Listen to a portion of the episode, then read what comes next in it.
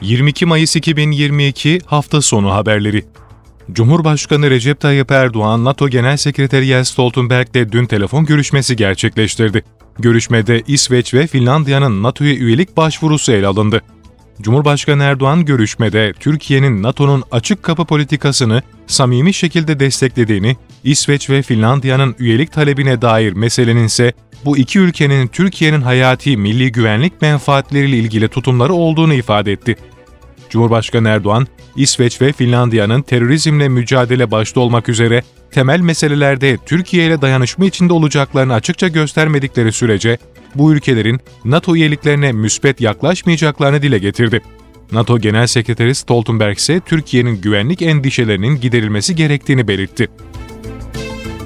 Milli Savunma Bakanlığı, Suriye'nin kuzeyindeki Fırat Kalkanı ve Zeytin Dalı bölgelerine taze ateşi açan 12 PKK-YPG'li teröristin etkisiz hale getirildiğini bildirdi. Bakanlıktan yapılan açıklamada teröristle mücadelemiz etkin ve kararlı şekilde devam ediyor. Suriye'nin kuzeyindeki Fırat Kalkanı ve Zeytin Dalı bölgelerine taciz ateşi açan 12 PKK-YPG'li terörist, Türk Silahlı Kuvvetlerimiz tarafından etkisiz hale getirildi, ifadelerine yer verildi. Savunma Sanayi Başkanlığı liderliğinde yürütülen Akıncı projesi kapsamında Baykar tarafından milli ve özgün olarak geliştirilen Bayraktar Akıncı TİHA yeni bir başarıya daha imza attı. Teknofest Azerbaycan'da hem statik alanda sergilenecek hem de dinamik alandan kalkarak uçuş gösterileri yapabilecek iki Bayraktar Akıncı TİHA uzun bir uçuşun ardından Azerbaycan'a ulaştı.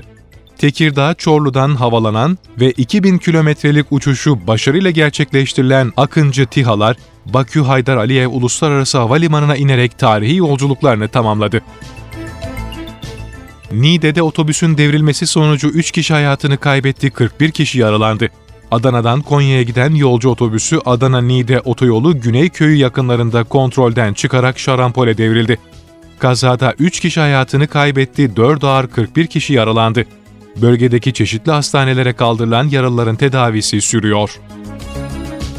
Türkiye'de dün 1264 kişinin COVID-19 testi pozitif çıktı, 3 kişi hayatını kaybetti. Günlük koronavirüs tablosuna göre dün 138 bin test yapıldı.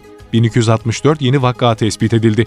3 kişi virüs nedeniyle hayatını kaybederken iyileşenlerin sayısı 1219 olarak kayda geçti.